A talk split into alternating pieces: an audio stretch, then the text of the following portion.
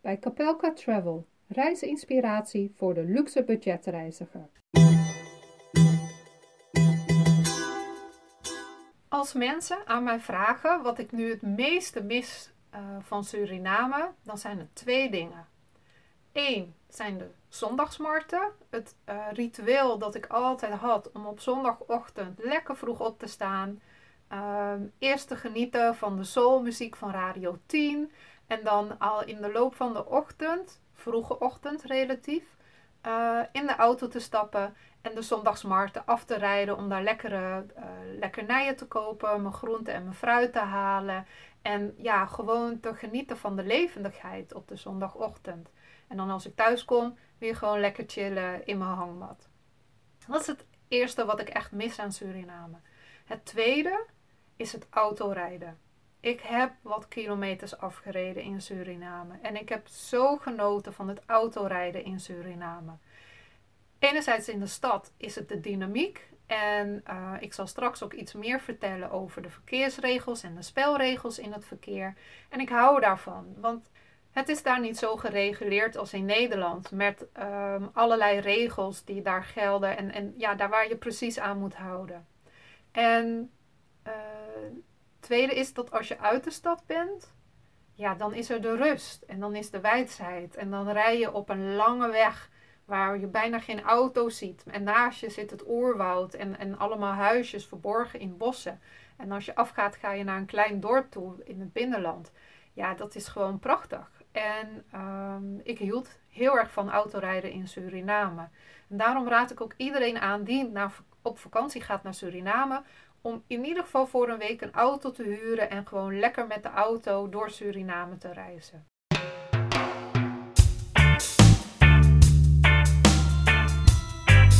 Wat heb ik zo al gedaan en wat zou je kunnen doen met de auto als je gaat, uh, een auto gaat huren? Nou, je kan uiteraard naar de recreatieorde gaan die uh, ten zuiden van de stad liggen.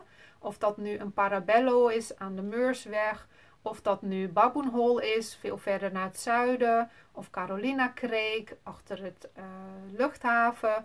Er zijn zoveel plekken en recreatieoorden om te bezoeken. Om daar lekker in het koude water te duiken. Te genieten van de natuur. En ja, lekker met je eten en je drinken daar gewoon een paar uurtjes door te brengen.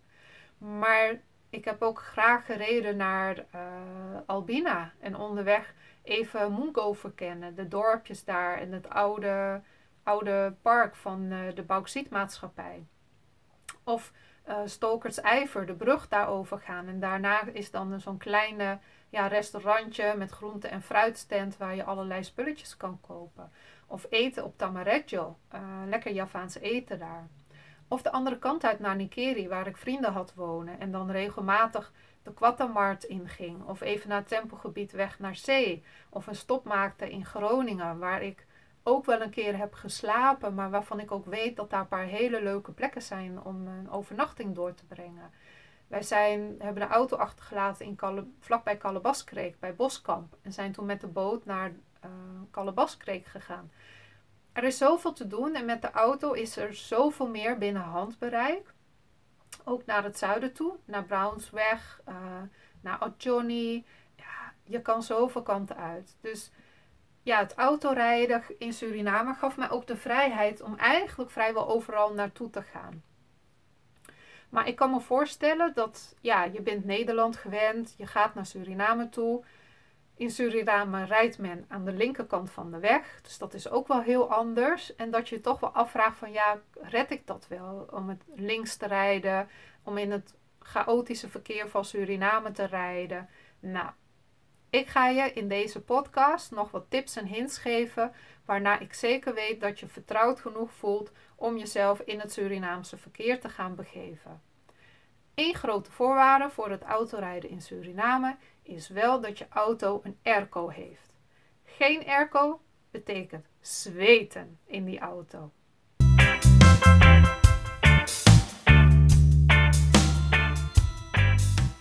Ik denk dat uh, waar ik het meeste tegenop heb gezien is het linksrijden. En niet zozeer alleen aan de linkerkant van de weg te blijven, maar doordat je in een auto rijdt die gemaakt is voor het linksrijden, zijn ook een aantal zaken anders. denk bijvoorbeeld gewoon aan je richtingsaanwijzer. In plaats van dat hij aan de linkerkant zit, gaat hij aan de rechterkant zitten. En meestal red ik het wel aardig om aan te denken: oh ja, aan die kant moet ik uh, mijn richtingaanwijzer aandoen. Maar op het moment dat het ergens druk is op een kruising en ik denk: oh, wat moet ik doen? Ja, dan gaat toch het automatisme omhoog en dan gaat mijn linkerhand omhoog. En dan gaan de ruitenwissers aan van de auto. Nou, dat is geen grote ramp. Het is een beetje hilarisch voor je gevoel, maar je weet dat snel te corrigeren. En ik moet zeggen, na bijna vier jaar gereden te hebben in Suriname, heb ik nu nog heel vaak in Nederland het tegenovergestelde geval. Dat ik ook op dat soort momenten soms gewoon de verkeerde hand gebruik voor mijn richtingsaanwijzer en ik plotseling de ruitenwisser aan heb staan.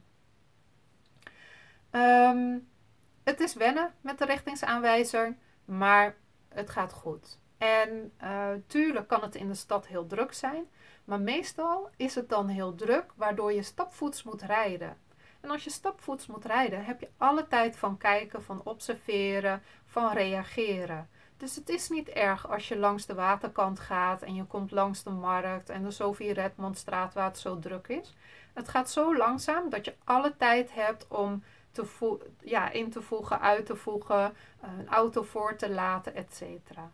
En dat is ook wat je zal zien gebeuren, is dat op drukke plekken houdt men zich niet meer zo heel strak aan de verkeersregels. Dan is het degene met de grootste auto die een beetje macho wil doen, kruipt misschien voor. Een ander blijft heel beleefd wachten. Uh, weer iemand anders geeft je voorrang door middel van het uh, knipperen met het groot licht.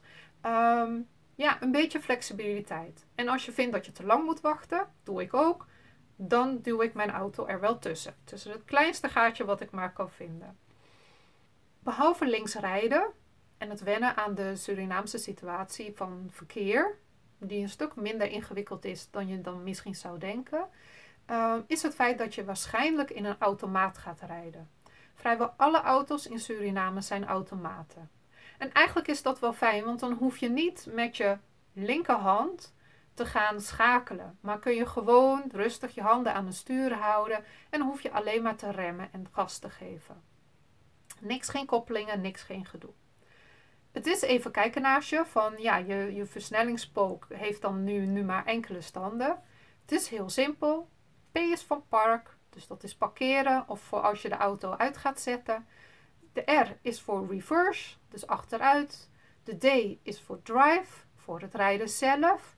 En let op, zo gauw je in de D zet, dan gaat hij ook rijden. Dus je moet wel zorgen dat je voet op de rem staat als je gaat schakelen.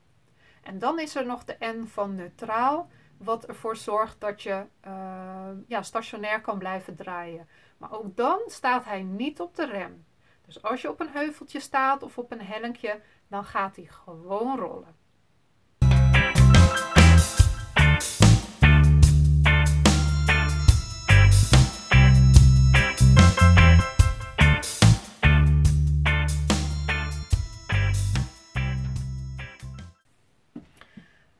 In het begin het eng vinden om te rijden, en ik denk dat ik je sowieso wel aanraad om in het begin misschien even met z'n tweeën te rijden. Want er is nog één angeltje tijdens het rijden in Suriname. Want wij zijn gewend om rechts te rijden. Dus wij kijken, als we links en rechts kijken om te zien wat voor verkeer er is, dan kijken we als we naar rechts kijken naar de rechterkant en als we naar links kijken naar de rechterkant van de linkerkant.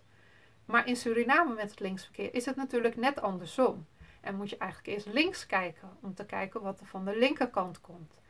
En het is me wel een paar keer voorgekomen dat ik gewoon uit automatisme links-rechts keek, maar eigenlijk helemaal niet observeerde of er wel auto's aankwamen. En dat ik als ik wil oprijden en ik kijk dan nog een keer, laatste keer naar links, ik toch in één keer een auto zie.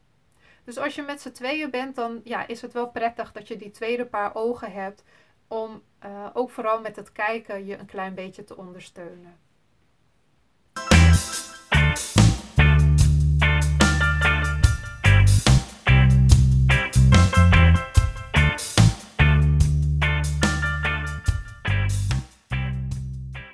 Zoals ik al eerder vermeldde, Suriname kent verkeersregels.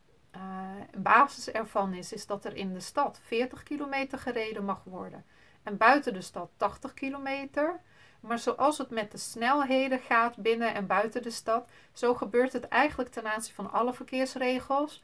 Men gebruikt het flexibel. En met flexibel bedoel ik mee, uh, ja, je rijdt 60 eigenlijk buiten de stad als het druk is en er zijn heel veel kruisingen. En je rijdt misschien wel 100 tot 120 als je op de snelweg zit richting Accioni, omdat je gewoon een lege snelweg voor je hebt met niets en niemand om je heen. Maar het varieert. En dat gebeurt ook met kruisingen, zoals ik al eerder noemde.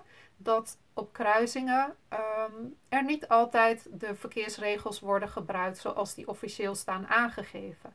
En zeker als het drukker is, dan uh, ja, probeert men er vooral voor te zorgen dat iedereen een beetje kan doorrijden. Wat dat betreft zijn de meeste Surinaamse automobilisten best wel sociale rijders. En natuurlijk zitten daar de asocialen wel tussen. Uh, tuurlijk zul je af en toe denken van, god, die persoon hoort niks meer, want die radio staat wel zo hard dat ik er ook nog van kan meegenieten, ondanks dat alle ramen gesloten zijn. Maar dat is het gewoon. En dat maakt het rijden ook in Suriname best wel leuk. Um, ik heb ook heel vaak moeten lachen om allerlei gekke kreten die op de auto staan, uh, leuzen, uh, maar gewoon ook het groeten van rijders naast je. En dat flirten, uh, in Suriname. Um, als je mensen hoort honken, zoals ze dat noemen, of wel toeteren in Suriname, dan is het lang niet altijd omdat men je aandacht wil hebben. Ja, men wil wel je aandacht hebben, maar meer als een waarschuwing van hé, hey, ik kom je inhalen. Of hé, hey, ik ken jou, ik groet je even. Um, de, de, de klakson, de toeter, is echt meer een sociaal ding dan, en het wordt veel vaker gebruikt dan dat wij in Nederland doen, waarbij de, bij de klakson echt is voor uh, waarschuwingen. Dus ik heb ook geleerd um, om de klakson bijvoorbeeld ook te gebruiken als ik vrachtwagens ga inhalen. Want sommige trucks zijn heel groot, heel zwaar.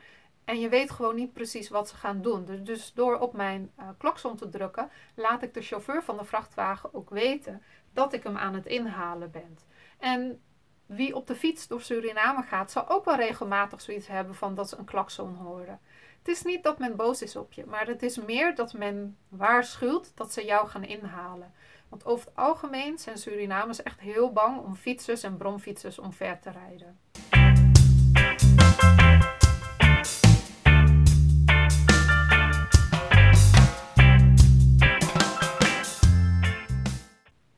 Eén dingetje Ehm, wat ik zeker met je wil delen, is het feit dat er in Suriname verkeersdrempels zijn.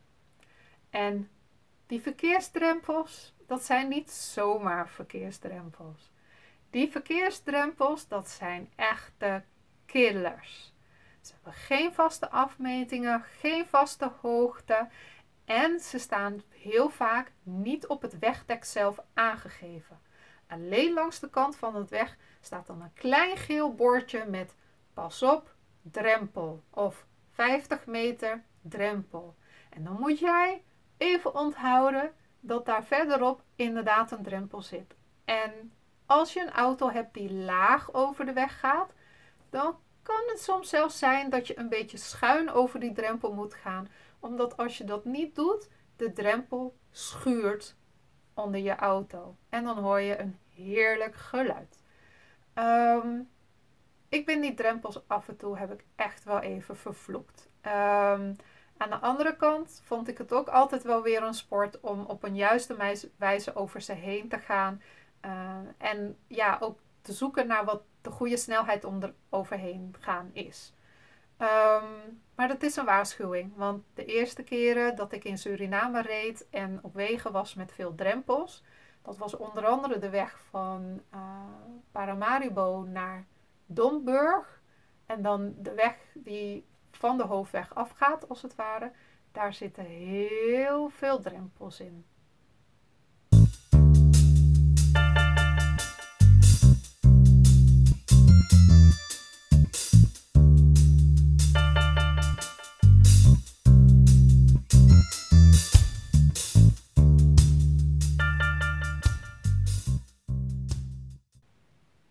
Rijden in Suriname is absoluut te doen. Ook voor jou als vakantieganger. En het huren van een auto in Suriname is echt ook niet moeilijk en ingewikkeld. Ja, er zijn de grote autobedrijven als Europcar en Avis. Maar er zijn ook heel veel lokale verhuurders. En eigenlijk heb ik altijd gehuurd via een lokale verhuurder, omdat dat meestal echt bijna de helft van de prijs scheelde. Ehm, ik heb de laatste keer gebruik gemaakt van uh, Terry's Car Rental. Um, hij heeft een Facebookpagina waarop hij zijn boeken, uh, boeken zijn auto's aanbiedt. En um, ja, was een fantastische service, klein familiebedrijfje. hij leent volgens mij de auto's weer van een ander bedrijf. Ik weet niet hoe hij het doet. Maar wij hadden voor, voor een week, meer, als je meer dan een week huurt, dan betaal je ongeveer 12, 12,50 voor een auto. Het is niet een hele grote auto, het is een kleinere auto. Maar daarmee kun je prima rijden in Suriname. Je kan ook gewoon uh, daar waar je verblijft, in je hotel of in je bed and breakfast of een andere accommodatie, kun je ook vragen naar of zij iemand kennen die auto's verhuren. Uh, soms kan het dan goedkoper. Uh, soms is het misschien ietsje duurder. Maar het gemak dat je dan hebt omdat je het per dag kan huren of omdat die eigenaar dicht in de buurt is, is natuurlijk ook wel prettig. Uh, wij zouden dit jaar uh, in een uh, appartement gaan verblijven in Paramaribo bij iemand thuis. En die had al aangegeven dat zij een jeep had voor 16 US dollars per dag, ook voor ons om te lenen. Dus wij hadden al zoiets van: oké, we hebben in ieder geval altijd een auto bij ons. Voor uh, het autorijden in Suriname hoef je uh, alleen maar een internationaal rijbewijs bij je te hebben, samen met je Nederlandse rijbewijs. En dat internationale rijbewijs kun je gewoon bij elk ANWB-kantoor in Nederland kopen en dat kost uh, ongeveer 20 euro. En um, neem dat wel mee. ik denk, ik ben nooit gecontroleerd eigenlijk op mijn rijbewijs. Maar mijn verwachting eigenlijk is ook wel dat als een Surinaamse agent je Nederlandse rijbewijs ziet, dat het eigenlijk al wel goed is. Maar formeel, volgens de ambassade, moet je een internationaal rijbewijs bij je hebben. Dus ik raad het ook zeker aan om die mee te nemen. En ook als je gaat reizen, zeker als je naar Nikeri gaat, om ook te zorgen dat je je paspoort bij je hebt omdat uh, onderweg van Coroni naar Nikeri is er een controlepost waarbij ze controleren of de mensen die rijden naar de stad wel over de juiste papieren beschikken.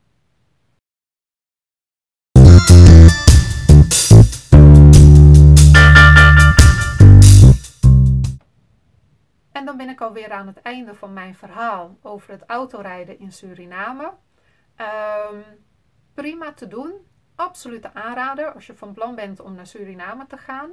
En ehm, als je geen auto kunt rijden of je wil niet altijd rijden, onthoud dan ook dat er nog altijd openbaar vervoer is met de lokale busjes. Dat je altijd nog taxis kan inhuren uh, om je van A naar B te brengen. En ja, en er is altijd nog de benenwagen. Maar dat zou ik alleen voor hele korte stukjes gebruiken, want het is wel heel erg warm in Suriname. En de verkeerssituatie is er niet echt op ingericht om lange afstanden te gaan lopen. Want er zijn geen trottoirs, er zijn geen veilige voetpaden. En ja, ik zou het je dus niet echt willen aanraden om dat te gaan doen. Fietsen is nog wel een optie, maar persoonlijk vind ik dat ook heel erg vermoeiend. En um, zou ik dat niet zo gauw doen. Alhoewel een fietstocht maken richting Frederiksdorp. En je kan van daaruit, geloof ik, ook al bijna tot Bakkie komen. Ja, dat is misschien wel een leuk idee om je eigen toertje met een fiets te doen. Een fietshuur is natuurlijk weer goedkoper dan een auto. Alleen je kan dan natuurlijk niet al je bagage meenemen. Dus het is een afweging. Als ik een aanbeveling mag doen, dan zou ik zeggen: ga naar Suriname, huur een auto, rij er vooral heel veel mee rond.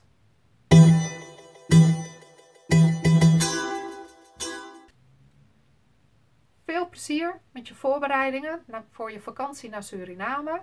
En als je niet van plan bent om naar Suriname te gaan en je hebt toch naar mij geluisterd gedurende deze podcast, dan dank ik je ook daarvoor. Want ehm, ja, ik deel graag mijn kennis en mijn ervaringen van reizen. En hoop daarmee jou ook te inspireren om zelf op pad te gaan als een luxe budgetreiziger. Dit was weer een aflevering van Capelka Travel, reisinspiratie voor de luxe budgetreiziger. Wil je nog meer lezen over Suriname, waar je heen kan gaan, wat er te zien is en hoe ik mijn reizen daar heb georganiseerd? Ga dan naar mijn website kapelkatravel.com en uh, download de magazine die ik heb gemaakt van al mijn blogs over Suriname. Veel leesplezier, fijn dat je geluisterd hebt en tot een volgende keer.